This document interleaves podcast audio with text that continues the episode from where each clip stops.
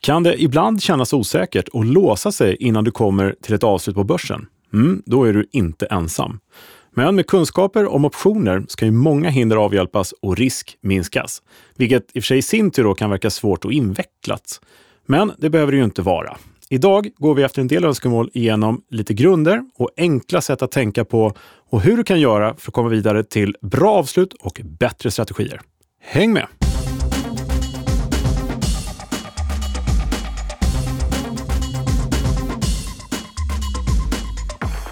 Ja, men välkommen tillbaka till Optionspodden. Här är podden som ger dig kunskaper som ingen privat eller professionell investerare på börsen borde vara utan, tycker vi. Det här är börsens hela verktygslåda som gömmer sig för dig att hitta, eller hur man ska säga. Mitt namn är Kalle Björkegren och mitt emot mig, vem där? Thomas Bernholm. Från Nasdaq. Ständig bisittare. Precis, som varmt, tänkte jag säga. Varmt välkommen. Tack så mycket. Roligt att vara här, Kalle. Ja, hur känns det?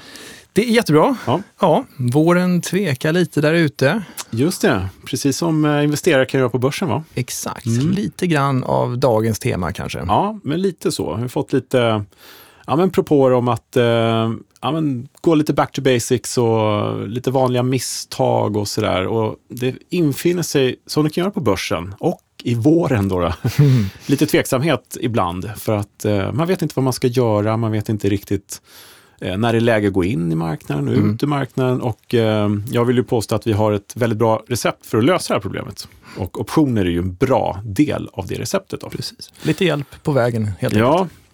men du, eh, om jag skulle säga så här, eh, ta helt enkelt ett litet citat från eh, filmens värld som berör det vi håller på med. Mhm. Om jag säger så här. Rulla tidaren, men betala upp för extra premium och använd det som hedge eftersom tetat dödar oss. Handla max två vollpunkter per 10 delta på nedsidan. Ja, vi vill inte ha skewen emot oss. Stick i daxen, då briefar du puts så snyggt du kan. At the money i värsta fall, då kan vi boxa in skiten om det behövs. Okej? Gjorde du det jag sa just nu? Eh, ja, exakt. Jag står Ja. redo att trycka på köpknappen här. Ja. Ja. det där lät ju onekligen eh, ganska komplicerat. Ja, och det men var lite som det kunde faktiskt låta nästan till, lite överdrivet kanske. Ja, men precis. Men så här kunde det faktiskt låta på en tradingdesk. Men om man skulle förklara trading, eh, vi som har jobbat med det då, och suttit på tradingdeskar på olika ställen sådär, och bjuda in någon och lyssna på sånt där snack direkt, då Mm. är det nog inte många som begriper hälften av vad som menas förstås. Nej. Jag kommer själv ihåg när jag satt på den så kallade valutaspotten på OM. Mhm. Första dagarna. De bara 70 figure in five, mine, yours, off pay, undish, fondyr. Och så oj, händerna ja. upp i luften med knutna nävar. Och, Exakt. Ja, jag var helt förtvivlad. tror jag. Där kommer jag aldrig lära mig. Det där måste vara väldigt avskräckande. Men det sitter ju efter ett tag, efter lite övning. Om man liksom får till sig kunskaperna och får chans att öva, så ja, då lär man sig ju. Liksom. Just det. Ja. Men lyckligtvis behöver man inte känna till allt det du rabblade nu i alla fall. Eller? Nej. Nej, precis.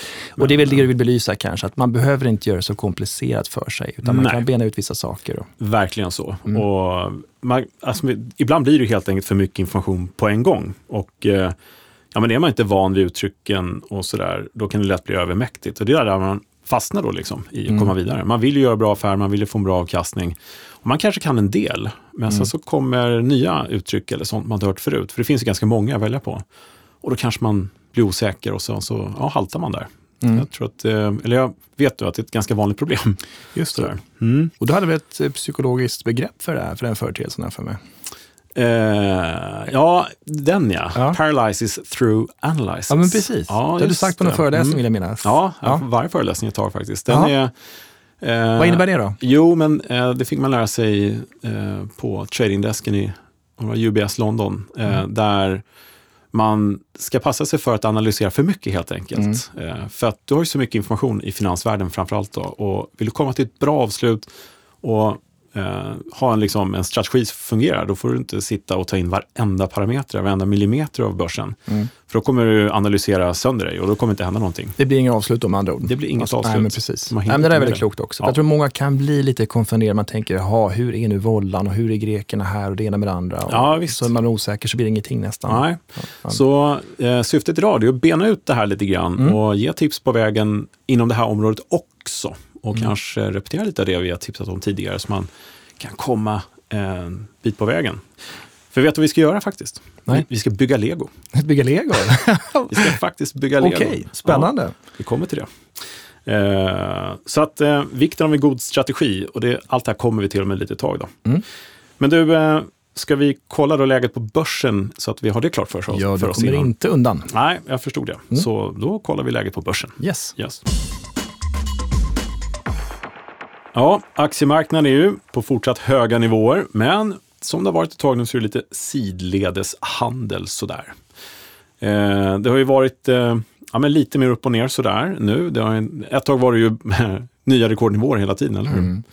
Och eh, det har vi inte sett riktigt sista tiden sådär. Då. Eh, konsoliderat var det någon som sa och eh, allt fler tycker jag ja, men nämner det här med att eh, det, liksom toppen är nådd och fler och fler artiklar om så gör om börsen går ner och lite sånt där. Så det är lite oro i leden tycker jag mig utse, eller ut, ut eh, vad heter det? Utanalysera. Utkristallisera. Ja. Men eh, vad många inte gör, det är att kolla på volatiliteten. Vi kollar på VIX-index eh, och ser där att det är faktiskt väldigt låga nivåer. Det är ja, ingen risk i marknaden att nämna av oro, om man får uttrycka det som så. 18,5 cirka, 18,33 på VIX-index, sista print som jag har. Eh, och det är ju eh, ja, det är ungefär paritet med vad det var varit sista par veckorna då kanske. Men innan dess så var vi uppe på både 20 och 25 och printade där. Så i risktermer och i, i premium, i, alltså hur dyr premiumen är, så har vi faktiskt ett fallande nivåer. Just det. Och det är ju inte konstigt eftersom det inte rör på sig så mycket och risken anses vara låg. Och ska man tyda alla dina eh, vad ska man säga, dragningar om detta så har vi i alla fall haft en nedåtgående trend med några toppar här och där såklart, liksom, när det rör på sig upp och ner. Men trenden utspridd på en längre tid är lite negativ. Eller nedåtgående rättare sagt. Ja, så är det. Eh, man skulle, om man ser på graferna så blir det ju ja, nästan lite sidledeshandel även på VIX-index. Då. Mm.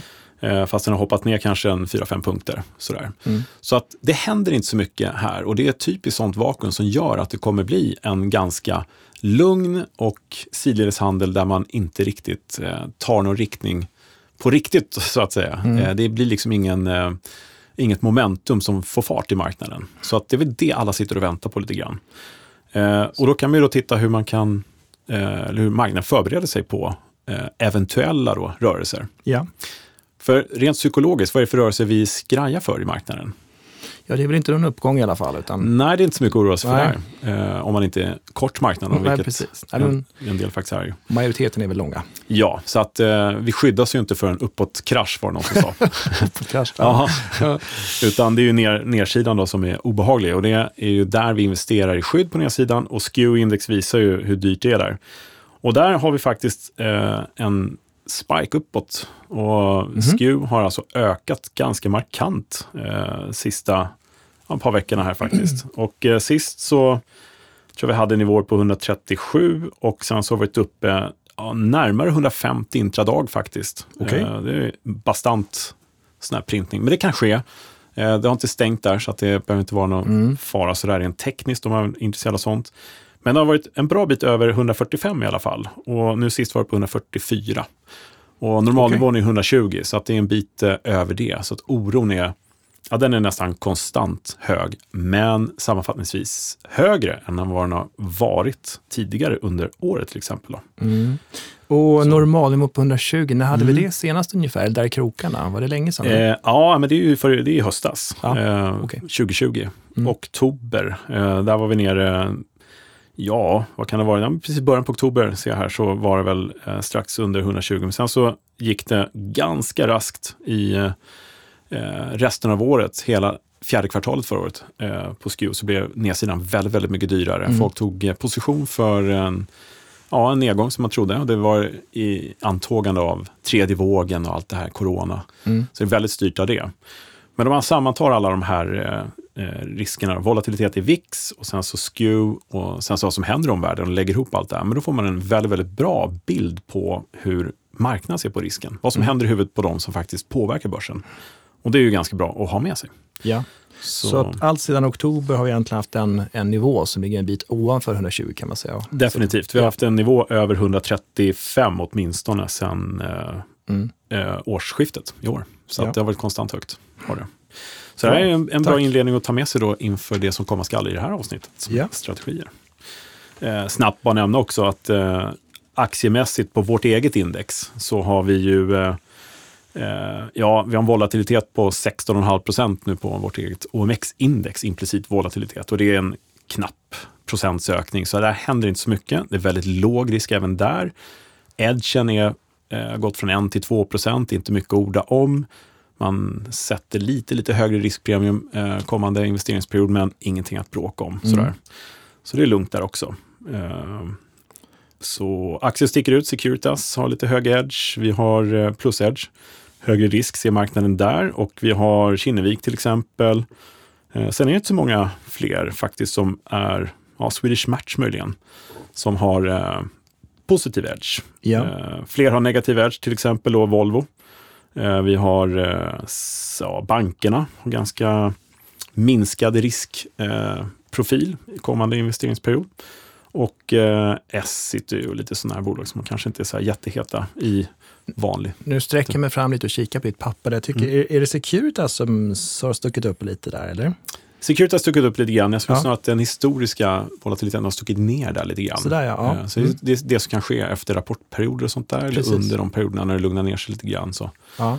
eh, kan den implicita jämfört med den historiska ändras här. Så rapportperioden såklart påverkar dessa siffror. Ja, det gör det ju Mm. också lite Mm. grann.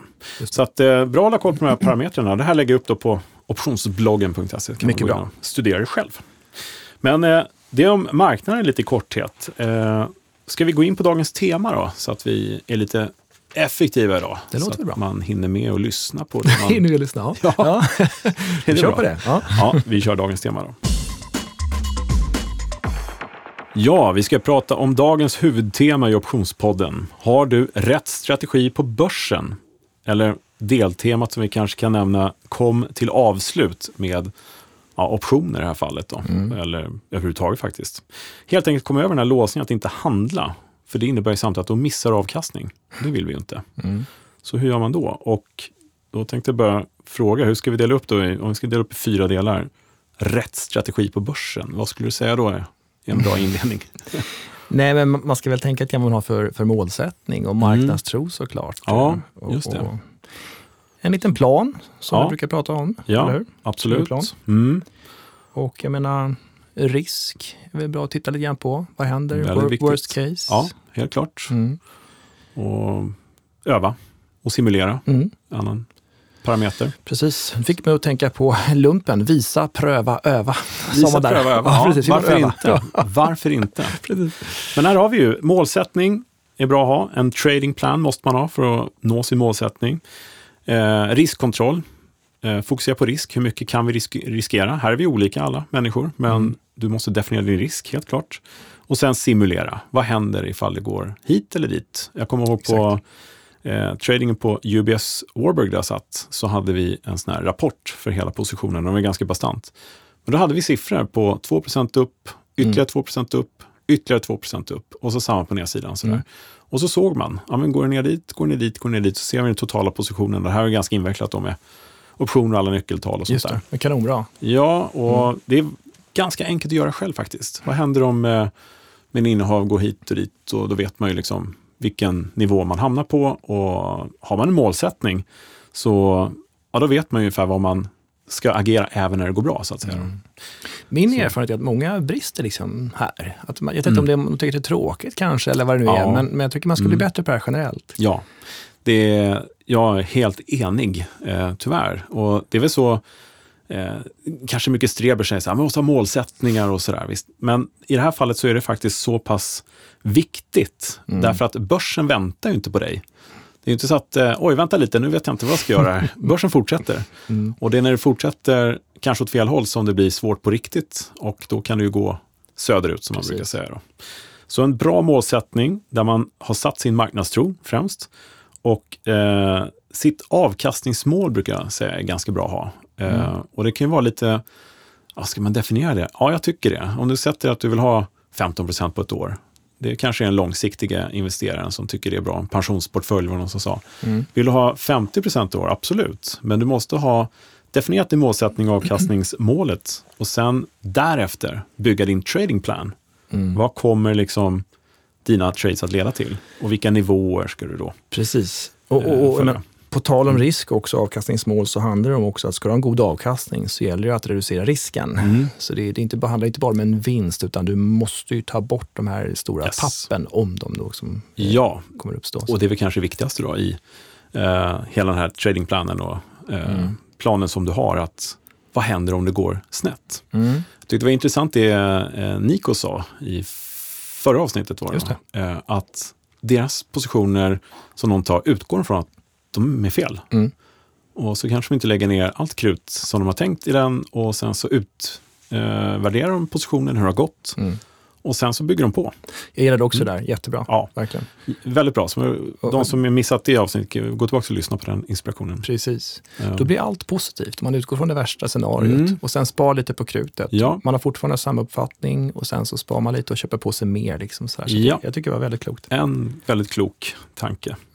Eh, och när det kom till optioner så, och marknadstro så brukar jag få fråga hur ska man tänka där? Och då finns det ju en, en typisk, när första jag fick lära mig, kommer ihåg, i, jag var i London och, och sitter du på din trading och du eh, eh, ska skapa en position. Om du inte har koll på eh, upp eller nedgång, vad du tror, det ska gå upp eller ner, Mm samtidigt som du har koll på hur volatiliteten kommer vara närmsta tiden. Det vill säga högre eller lägre. Kommer det röra på sig mer eller mindre än dagsläget? Har du inte koll på de två parametrarna, riktning och rörelse i liksom upp och ner, Mm. då ska du backa tills du har den uppfattningen. Mm. För då minskar du risken jättemycket. För då vet du nämligen, om det inte blir som du tror, då har du all möjlighet i världen att justera. Men det måste du också planera i förväg. Då. Så att eh, målsättning, eh, tradingplan, planering och eh, en fullständig kontroll på din risk är ju A och O. Och i den ingick en hel del simulering då som du sa där. Ja. Ja, som fjärde parameter. Det är klart Mm. att du simulerar ju och ser vad som händer då ifall Mm. det går hit eller dit eller upp eller ner eller sådär. Mm. Och i vilken tidsaspekt och sådär. Just det. Så eh, där har vi nästan löst problemet. eller hur? Ja, ska, ska vi Ja. dissekera lite mer kanske? Då? Ja, det tycker jag. Hur man ska tänka. Och Mm. eh, Du pratade lite grann här inledningsvis om lego. Är det här du, är det här det. du kommer in liksom med, med de tankarna? Eller är det... Ja, för om vi kommer in då på optionssidan i det hela. Mm. Eh, för i vår värld så finns det ju ingen portfölj som är framgångsrik utan optionshandel. Så är det. Ja, eh, Nej men skämt Ja. åsido så det finns ju mycket mervärden. Även om man är long only som det heter så finns ju optioner som ett mycket, mycket bra tillskott. Mm. Och här har vi fått lite frågor faktiskt, eh, hur man ska tänka. Därför att det finns ju otrolig mängd strategier att välja på. Mm. Du kan skapa egna strategier och sådär. Och då tänker jag ju bygga lego. Och då tänker en legobit. Ja, det Mm. kan vara simulera då en av de fyra grundpositionerna till exempel. Så säg att vi köper en kol till exempel. Det är en legobit. Mm. Ja. Så kan du bygga på det här. Och Kanske sälja en kol? Eller? ja, en Ja. till legobit. Så har du Mm. två optioner där, två Mm. legobitar. Exakt. Vill du göra då en eh, Ray kör hela, då är det en legobit till, Ja. eller hur? Och ja, men det handlar mycket om det faktiskt. mm. Och bygga vidare. ja men det är lite så. Ja. Eh, ett ben, två ben, tre ben. Sen är det kanske risk för benskörhet. vad vet jag. Ja, för många ben. Ja. Benskär. Ja, kan, kan bli risk för det. Ja, Ja, det är lite klumpigare kanske och eh, flytta och justera sådana positioner såklart. Men man ska Ja. inte vara rädd för många ben förstås. nej, Liksom. det ska man inte vara. Men eh, ju fler ben, desto mer, ja, Mer, mer tungrot kanske. ja och- lite kunskaper mer- om hur det kan bli. Liksom sådär. Just det. Eh, men jag tänkte... Nej, men- ja. Ja, förlåt, jag, jag avbröt där. Men jag gillar Ja. tänket med legobitar. Mm, Och ja. eh, jag skulle säga också så här, de där kan man använda så att är det så att man är beredd att plocka upp en aktie på en viss nivå, ja, Mm. då säljer man och utfärdar en säljoption på den nivån kanske. Ja, visst. En legobit. Och Ja. kan man sälja aktier på en viss nivå, då sätter man, eh, säljer den, säljer, eller köper option på den nivån och så vidare. Så att Ja. bitarna trillar på plats. Ja, som just nu till exempel om man sitter och hackar på börsen, men man tror att ah, det här ska fortsätta upp för att vissa säger ju det. Eh, så här, men det börsen har mycket kvar att ge, men det är svårt kanske att övertyga sig själv om det. Då är ju en köpoption på uppsidan ganska bra. Mm. Det är liksom som försäkrar sig om att man är med på tåget. Precis. Man kan köpa sig en eh, köpoption lite högre upp, kanske på index eller i aktien man är intresserad av. Och då blir den lite billigare än den som är at the money. Och det är en begränsad risk. Du betalar bara, eller förlorar inte mer än premien du betalar. Och går upp, då ligger den där och så fångar den in liksom en vinst på uppsidan ifall det går dit. Mm. Och så har du en perfekt riskkontroll, liksom, så är du åtminstone med i matchen. Köpa aktier, ja, då behåller du dem så länge du vill, så att säga, innan du säljer dem.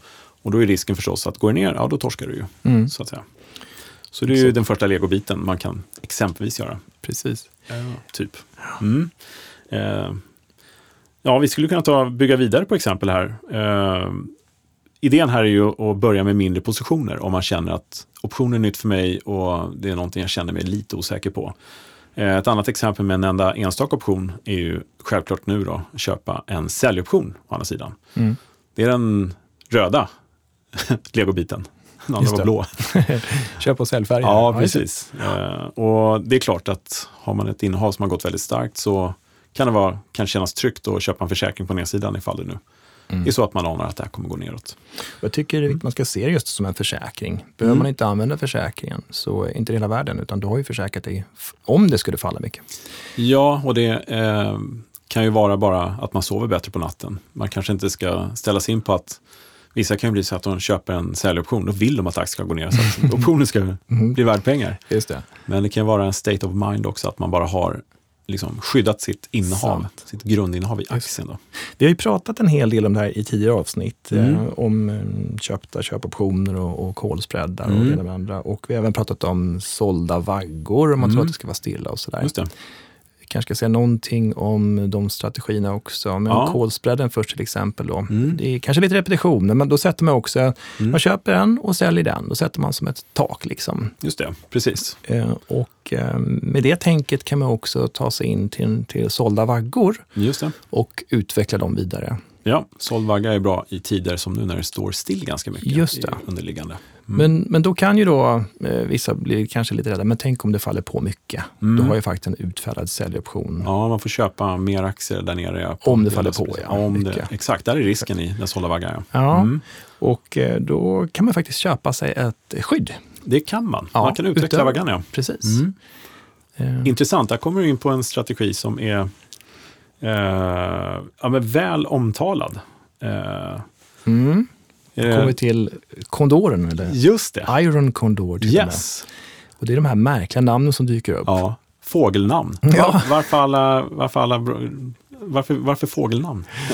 Säg det. Eh, nej men, eh, Butterfly, ja. kondoren med sin eh, vingbredd förmodligen. Man Just det. breda vingar. Det är därifrån Ja. det kommer antar jag. Mm. Ja, men så är det ju. Eh, och man kan ju säga, vi vet ju att den sålda vaggan är ju eh, bra om du har sålt premium, att det ligger stilla. Men Mm. risken är ju på ja, nedsidan och uppsidan faktiskt. Just det. Eh, sådär. Du går miste om, Ja, det går ju miste om. Det är alternativkostnaden på Precis. uppsidan förstås. Ja, speciellt om du har det mot ett innehav då kanske. Ja, att- ja precis. Eh, så är det ju. Men eh, om du lägger vingar där nere, alltså skydd både på upp och nedsida, Mm. det är då du får kondoren. Ja. Mm. Jag tänker grafen. Mm. Eh, så att fortsättningen på en, en såld vagga är en kondor, en iron kondor. Exakt. Ja. Ehm, Så det blir som en eh, stopploss kan man säga. ja, det blir som en stopploss. Så att, eh, Eller du som pratar lego, det blir en stoppkloss kanske. Stopp. ja, men det är det. Du stoppar legobitar där nere för att du inte Eh, ska liksom, eh, göra illa dig ekonomiskt. Så det är en stoppkloss. Och ska man utveckla lite grann så kan man ju säga då alltså att ehm, det är alltså egentligen en putsbredd som du har sålt. Mm. Det vill säga du utfärdar en säljoption en bit ner, Mm. out of the money. Mm. Så köper ett skydd ytterligare längre ner, out of the money. Ja. Och så gör du samma sak då med en callspread. Yes. Du säljer en out of the money call och så, köp, eller, Mm. ja, så köper du en ytterligare en out of the money call längre upp helt enkelt. Just det. Så det blir en kolspread mot en putsbredd. Mm. Du har Och, sålt bägge. ja. Så här har vi liksom tanken med legot lite grann. Från Mm. en köpoption eller en säljoption, en kol eller putt. Sen så Mm. lägger du till, till kolen kanske en annan kol från kol spread. Mm. Du liksom begränsar din uppsida från rätten till någon annan där att köpa av dig, eller hur? En bit upp. Och samma sak på putt, putt spread. Du begränsar liksom din vinst på nedsidan, Mm. eller hur? Och sen så helt plötsligt när du lägger ihop de här två, det är ju fyra olika ben va? Ja. Ja, benskörhet. Nej, Ja. det, får, du- det får vi inte säga här. Det här är en Nej. jättebra strategi. Ja, det är nej, inte för många ben. det, det blir lite, eh, som många tycker, ah, mycket courtage och sådär med fyra Jo, men det är klart. Det, det blir ju mer så, Ja. absolut. Så, så, Men man ska ju samtidigt tänka då, alltså det här kan ju ge ganska mycket Mm. och du begränsar din risk. Så att courtaget och clearingavgiften är ganska blygsamma kostnader ska jag säga, i sammanhanget. Mm. Men, Ja, men just det här är så trevligt också, just att om du är lite rädd för, för att det rör sig mycket upp eller ner, Mm. så kan du faktiskt eh, begränsa det här. Ja, just det. Så att eh, jag vet inte om vi har gjort eh, folk så mycket klokare med att eh, de som är rädda för handelsoptioner säger att man kan handla kolspreadar och pussbreddar mot, mot varandra. Mm. Men vi har ju eh, ganska mycket fina avsnitt bakom oss också om man, om man vill gå Just tillbaka och lyssna på i detalj på alla de här Mm. eh, strategierna förstås. Men min personliga uppfattning skulle jag säga i alla fall att eh, när man säljer vaggar och så här, är man lite tveksam Mm. så jag tycker man kommer lättare till avslut och man känner att okej, jag köper ett skydd här. Ja. Jag får lite mindre premie, men Yes. jag sover lugnare. Ja. Så målsättning, den är klar. Eh, vår trading plan, den är klar. Och det här med risk i det här fallet är också klart då. Mm. Här har vi full koll. Det är det som eh, jag tror många uppskattar med den sålda vaggan mot ett innehav. Att riskkontrollen är så pass eh, enkel att förstå sig på. Sådär. Eh, och eh, ja, sen kan man ju då läsa vidare. Jag tycker, är man, är man intresserad av den här Iron Condor, eh, ja, man kan höra av sig eller så kan man gå in på nätet och läsa om Ja, det. Det finns precis. tusen artiklar om det.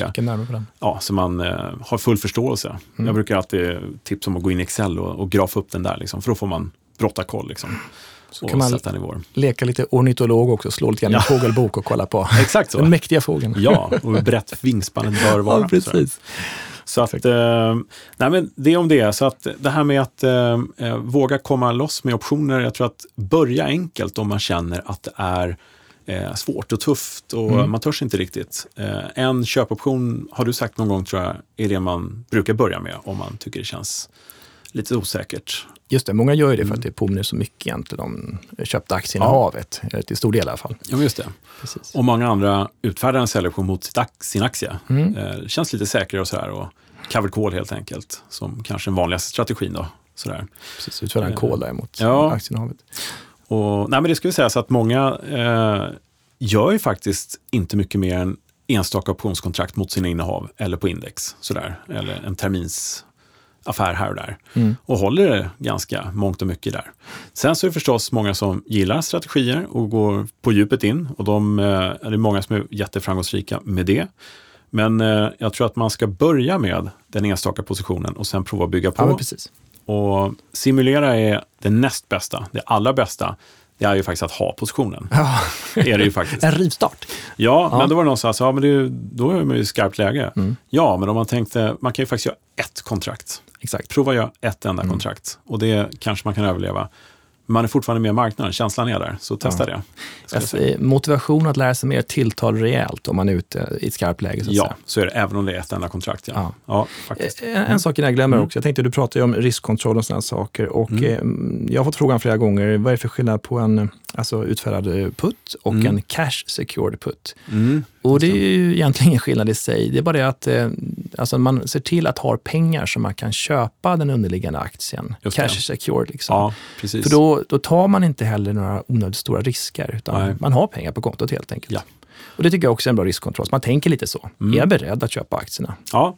ja. Jättebra grej att stoppa in i sin eh, tradingplan helt enkelt. Mm. Eh, så att man är beredd på ja, vad som komma skall. Och det här har vi faktiskt gått igenom, jag för mig, inte för allt för länge sedan med ja, men vad som händer på slutdagen och sådär. Eh, med eh, eh, ja, men lösen och man blir av med aktier, man får aktier på sig och det är likvida medel och sådär. Mm. Så det är bra att repetera även det. Precis. Mm. Och på tal om att gått igenom strategier och sådär. Nu har vi pratat om eh, Iron Condor och Mm. såld vagga mot innehav, covered call, callspread, putspread, eh, Ja. grundpositionerna Mm. och sådär. Men vi har ju även då pratat trebeningar tidigare, ratio, Ja, backspred och sånt. Mm. Och det är sånt där som man gärna får kika närmare på också. Ja, det tycker jag. Eh, Verkligen. Trebeningen vet jag att det, det är din favorit. Ja, och ration i synnerhet kanske. Ja, ja precis. Mm. Eh, Ska jag säga. Men eh, det där också på tal om att bygga vidare med legobitarna. Yes. Det kanske börjar med en callspread och sen blir det en ratio och så vidare. Ja. Så Så att eh, gjuta mod liksom lite grann i de som känner att Nej, det här är tufft och svårt. Eh, det finns otroliga mervärden att upptäcka om man bara går den vägen att man planerar, eh, har en målsättning, sätt den, sin marknadstro, ha sin tradingplan. Eh, ska ni köpa eller sälja aktier? Vilken nivå? Volatiliteten, vad tror du om den? Ska den vara hög eller låg? Skew kan man titta på nu, har vi ju faktiskt pratat en del om.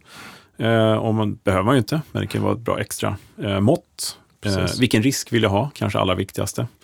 Eh, har jag någon stopploss? Var ska jag stoppa min stoppkloss? ja.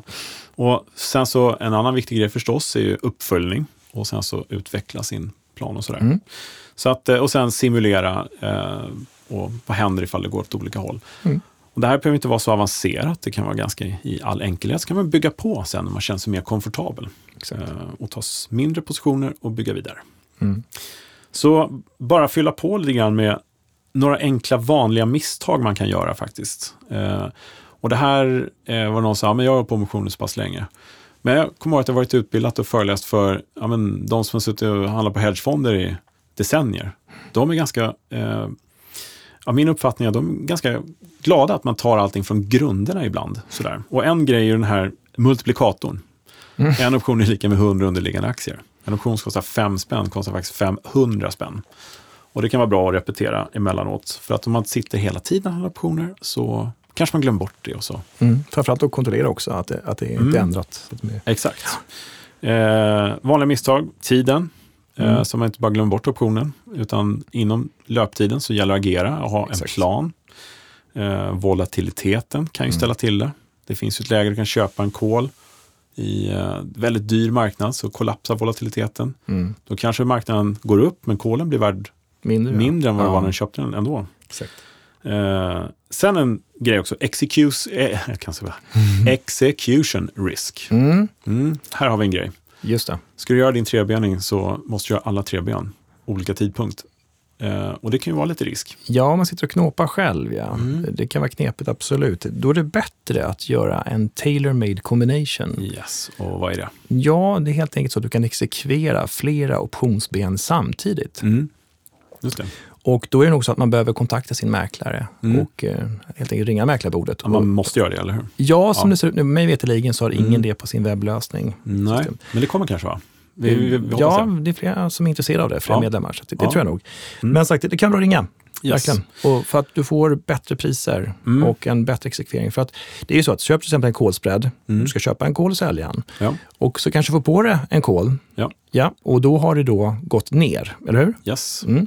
Och då får du inte lika mycket du vill ha för den du ska utfärda. Nej, den precis. upp. Så att det, då jobbar du liksom med motvind från start. Det är Mm. bättre att exekvera båda benen samtidigt. Så gör en TMC Exakt. via din mäklare och då kommer vi till nästa grej. Har du koll på din mäklare? Precis, den är Når bra. Du, ja, når du din mäklare? Vad är din Mm. mäklare för telefonnummer? Mm. Vad heter din mäklare? Så uppmaningen, ring mäklaren och ställ krav. Du, jag tänkte göra en TMC kanske. Vet du vad det är för någonting? Ja, det vet, ja men det vet de. Precis, det borde de veta. Ja, det borde Men, de men veta. bara så att precis Mm. man har smort upp den här förbindelsen lite grann. Vet Ja. ska göra. Precis. Så att TMC, bra grej. Då tar man bort en risk helt och hållet i execution risk faktiskt. Så att den är Mm. ett hett tips. Och sist men inte minst så en stor, stor, stor risk är ju faktiskt undermåliga kunskaper.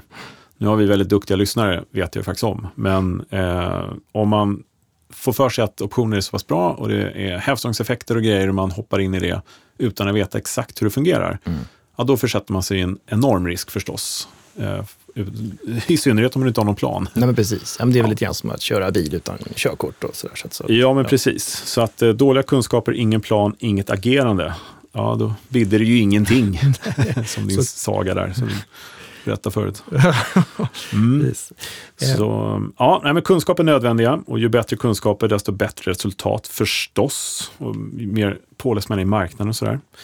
Eh, och sen kan man ju behöva support och ja, hjälp finns eh, om man vill ha. Det är bara att höra av sig. Det finns ju, ja, jag kör en utbildning på nätet, lite reklam för det. Om man vill ha, får man ju personlig support och allting så har man möjlighet att fråga och sådär. Det kan vara skönt ibland, många Mm, stycken i alla fall. Verkligen. Mm.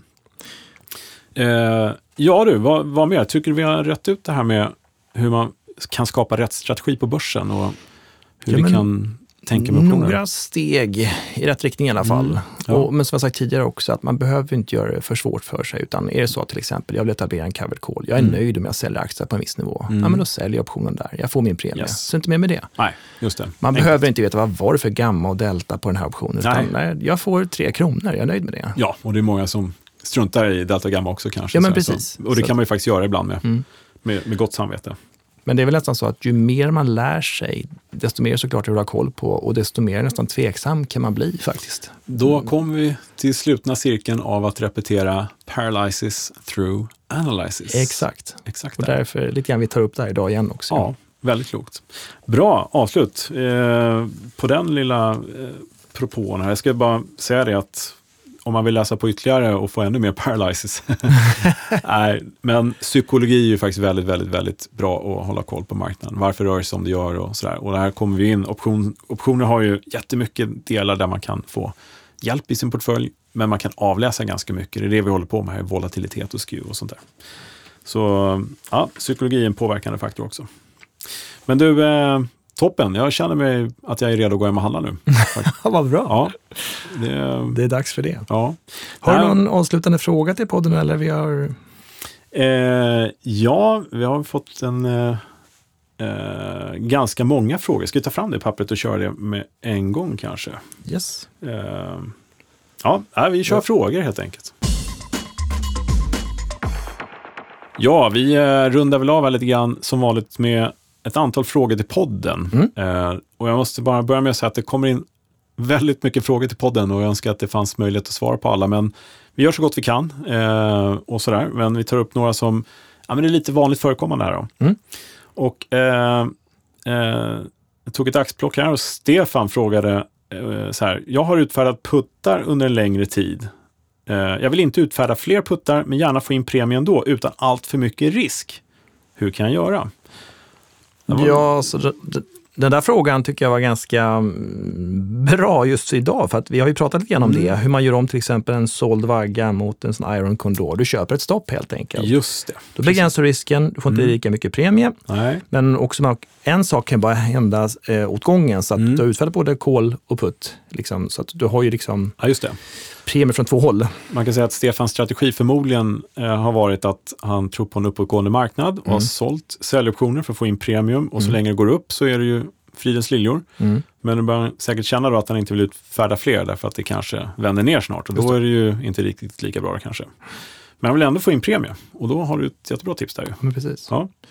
Så- Begränsad risk. Begränsad risk. Mindre ja. premie dock, men så är det ju. Ja, Det men Ja. can't win them all på något Nej, sätt. precis. Nej.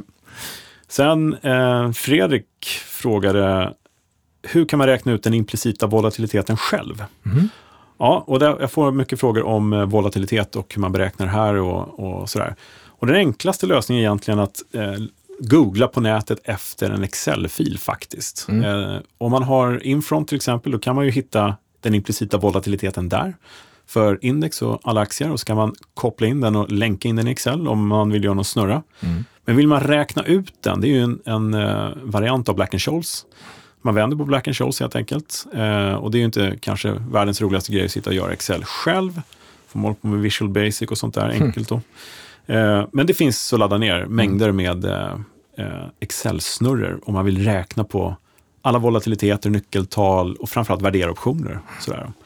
Så det kan man göra. Man kan även simulera grann volatilitet implicit vola på optionsplay.se också i, Ja. i verktyget. Ja, just det. Ja, Mm. precis. Ja, men det finns ju verkligen verktyg att, Mm. att eh, hitta. Då.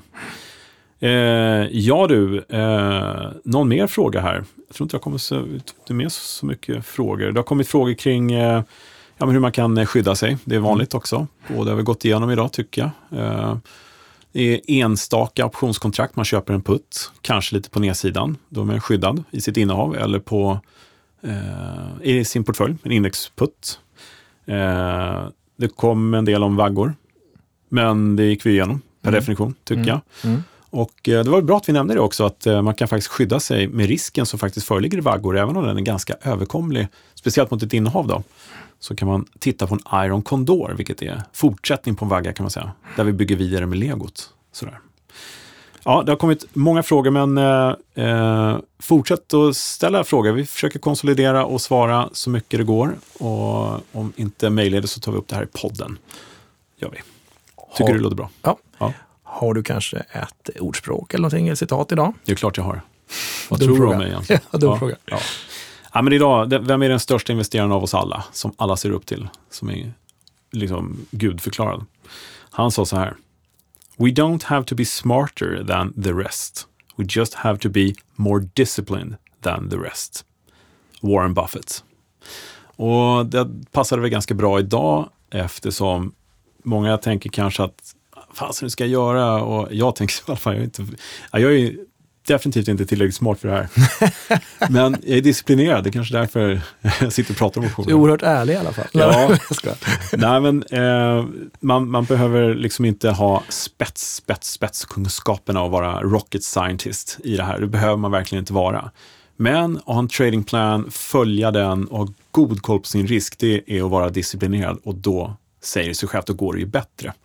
Och om Warren Buffett säger så, det har gått ganska bra för honom, så jag säger det, här, avdelning, nyckel till framgång, tycker jag. Mm. Just det. Så att, eh, men lite att begrunda. Eh, han har ju kloka ord och citat. Ja. Ja, du, eh, Tiden rinner iväg. ja det gör ju det. Mm. Eh, vi skulle gärna sitta och prata eh, länge till här, men eh, vi får vi får... de avslutande orden. Ja, precis. Så ehm, om man vill lära sig mer grunder här, då finns det på optionskurs.nu kan man få en gratis kurs i optioner, eh, fem dagar. Och man får behålla materialet länge man vill. Man kan gå in på optionspodden.se, läsa mer om podden och lyssna på tidigare avsnitt. Man kan gå in på optionsbloggen.se, läsa massor om optioner på, och videoklipp och grejer. Med oss, bland annat tror jag, Thomas. Mhm. Eh, Twitter, att. Då följer man mig, lägger ut lite grejer där då och då. Eh, ja, Enspiry Academy på Facebook. Jäklar vilka, jag försöker locka folk att klicka känner. Det Precis. inte bra. Men glöm inte att prenumerera på podden, det är det viktigaste eh, i din poddapp, var du nu lyssnar på poddar. Och skicka, sj- självklart, jag har glömt säga tidigare gånger, måste skicka optionspodden till alla dina investerarkompisar så att de blir eh, bra investerare. Eller också för säljande kanske, jag vet inte. Vi är så dåliga på att sälja oss själva. ja. Ja. Nej, eh, tack för idag. Men tack också till Smile Studios.